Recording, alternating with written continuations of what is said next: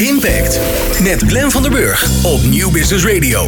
Het is weer tijd voor de Impact Update. Waarbij we eh, bijzonder blij zijn dat de man die eigenlijk precies weet wat er allemaal gaande is op duurzaamheidsgebied. En natuurlijk wel op duurzaam ondernemend gebied. Volkert van der Molen ons eh, meeneemt in, eh, ja, in die enorme tsunami aan eh, duurzaamheidsberichten die hij altijd over zich heen krijgt. En die hij eh, netjes probeert te ordenen. En dat lukt heel goed. Op zijn platform duurzaam-ondernemen.nl. Volkert, bijzonder leuk dat je er weer bent. Dankjewel Glenn. Nou, Leuk om te vermelden dat de portal helemaal vernieuwd is. Een compleet nieuw, fors, fris design heeft gekregen. Maar dat even terzijde. Kijk aan, kijk aan. Nou, de reden te meer om daar eh, een kijkje te nemen op duurzaam-ondernemen.nl. Volkert, eh, eh, het is de week van circulair eh, de circulaire economie. Dus het moet wel zijn dat je daar flink wat over te melden hebt. Dat klopt helemaal. Dat begon deze week met de Nationale Conferentie Circulaire Economie. En daar werden ook de Circular Awards uitgereikt. En voor de grote bedrijven ging die award naar Janssen de Jongbouw. En zij hebben een eh, circulaire appartementencomplex eh, systeem ontwikkeld. En eh, maken dus circulaire appartementen onder de naam Modufair. En hebben dus de award in deze grote categorie gewonnen. Wauw. En de, de award naar, in, de, in de kleinere ondernemingscategorie ging naar Roots Bikes. En zij maken van oude fietsen nieuwe fietsen. Aha. En ze gaan komen binnenkort ook met een 100% circulaire fiets. Oké, ja. Dat is wel grappig, hè? Want ik, ja, ik weet niet hoe het met jou zit, maar ik heb nog nooit een frame kapot gemaakt. Nee, die frames die gaan, eh, die zijn niet stuk te krijgen. Nee. Precies. Nou, daar, daar zit, dat is al, eh, denk ik wel zo'n 70% van de fiets Ja. qua materiaal. Dus eh, misschien nog wel meer. En als je die kunt hergebruiken is dat natuurlijk heel mooi. Ja, leuk. Ja, en die, in deze week is ook bekend geworden dat Amsterdam in 2023 een 100% circulaire textielfabriek gaat openen. Oké. Een onderneemster eh, van Bright Fiber Textiles gaat een fabriek starten die eh, uit oude truien en kleding nieuwe garen en vezels maakt. Die te gebruiken zijn als grondstoffen voor eh, nieuwe textiel. Oké. En ze beogen zo'n 2,5 tot 3 miljoen kilo aan grondstoffen te produceren jaarlijks. Zo. Dat is eh, echt een enorme kraker, zal ik maar zeggen. Ja, ja, mooi en interessant ook. eh, Amsterdam eh, zit natuurlijk ook het een en ander aan, eh, aan, mode, aan modemerken.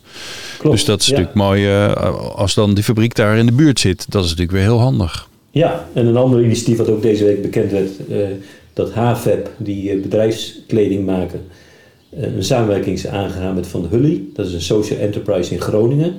Die hebben een, eh een naaiatelier en die maken van eh, oude bedrijfskleding onder andere tassen en andere producten. En Ja. werken met eh, veel mensen die een afstand tot de arbeidsmarkt hebben. Ja, en van, eh, van overhemden volgens mij toch ook. Ik heb wel eens een keer een, eh, een, een tasje volgens mij van ze gekregen voor, eh, voor een iPad. Met, eh, gemaakt uit oude overhemden. Dat vond ik Klopt, uitermate ja. grappig. Ze zijn zelfs begonnen met eh, van oude overhemden eh boxershorts te maken. Oh ja, ja. Dus eh, ja, dus allerlei leuke inventieve producten, allemaal circulair. ja. En doen ook heel mooi en goed werk. Ja. Ja, buiten, ik ga maar even door, buiten circulair nieuws is er ook toch wel wat nieuws onder de zon die wat meer op greenwashing lijkt. Zo zijn de scooterbedrijven, de deelscooterbedrijven Co-Sharing en Felix zijn eh, berispt door de reclamecodecommissie dat ze zich veel te groen voordoen. Eh, de accu's en zo die gaan veel minder lang mee dan bij gewoon scooters. En eh, ze zijn dus eh, lang niet zo duurzaam als ze zich voordoen. En eh, hebben zich daar op dat gebied ook moeten eh, terugtrekken, zal ik maar zeggen, eh, in hun communicatie. Hebben ze hun communicatiemateriaal moeten aanpassen.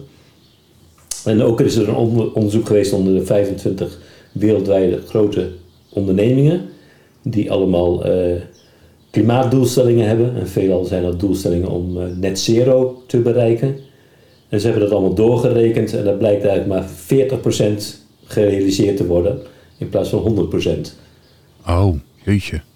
En er zijn echt wat eh, oneigenlijke toerekeningen geweest. Bijvoorbeeld een retailbedrijf die de zonnepanelen die ze ook in hun assortiment hebben, de klimaatbesparing, zeg maar, die consumenten die die panelen aanschaffen, die hebben ze ook naar zichzelf toegerekend. Oh ja, ja.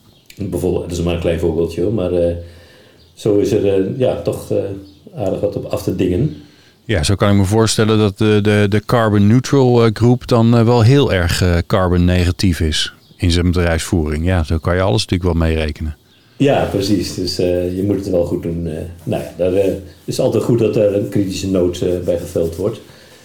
Wat enorm toeneemt is alles wat online besteld wordt. De hele e-commerce sector. En dat heeft als negatief effect, dat is berekend door Recycling Benelux, dat er 98 miljoen kilo plastic en karton en papier door de voordeur komt. Zo. Met al die pakjes. En eh, ja, daar is natuurlijk ook heel veel in te bereiken om dat eh, te reduceren, maar ook om eh, dat van hergebruikt circulair materiaal te maken, enzovoort, enzovoort. Dus dat is echt een enorme berg, maar dat realiseert waarschijnlijk iedereen zich wel. Want als je regelmatig pakjes bestelt, dan is je oud papier kliko binnen de kortste keren vol. En, Ja. en datzelfde geldt voor de PMD kliko. Dus daar is eh, nog heel veel in te bereiken. Ja. Ik weet niet hoe het bij jou is, Volkert, maar ik merk wel dat op het moment dat ik, ehm, eh, dat ik, want ik bestel ook wel eens wat, dat als ik dan zo'n pakje krijg en die is dan ehm, helemaal met papier verpakt, hè, dus ook zeg maar het, het materiaal om te zorgen dat het niet beschadigt, dan vind ik dat wel heel tof. Dan denk ik, hé, hey, wat hebben ze dat in, wat slim gedaan om dat allemaal van papier te maken. En ik had laatst, eh, ik had een nieuwe wasmachine nodig van Miele. Er Ja. is geen betere. Maar daar zit dan nog gewoon piepschuim bescherming op. En dat vind ik eigenlijk gewoon niet meer kunnen. Dan denk ik, ja, volgens mij is dat een van de dingen die het lastigste recyclen is. En dat, dat, moet, toch, dat moet toch slimmer kunnen door daar nou ja, eh, iets met papier eh, te doen, zodat het wel eh, makkelijk te recyclen is. Ja, ja Dus het zeker. viel mij een beetje tegen van zo'n zo'n zo'n noest Duits merk.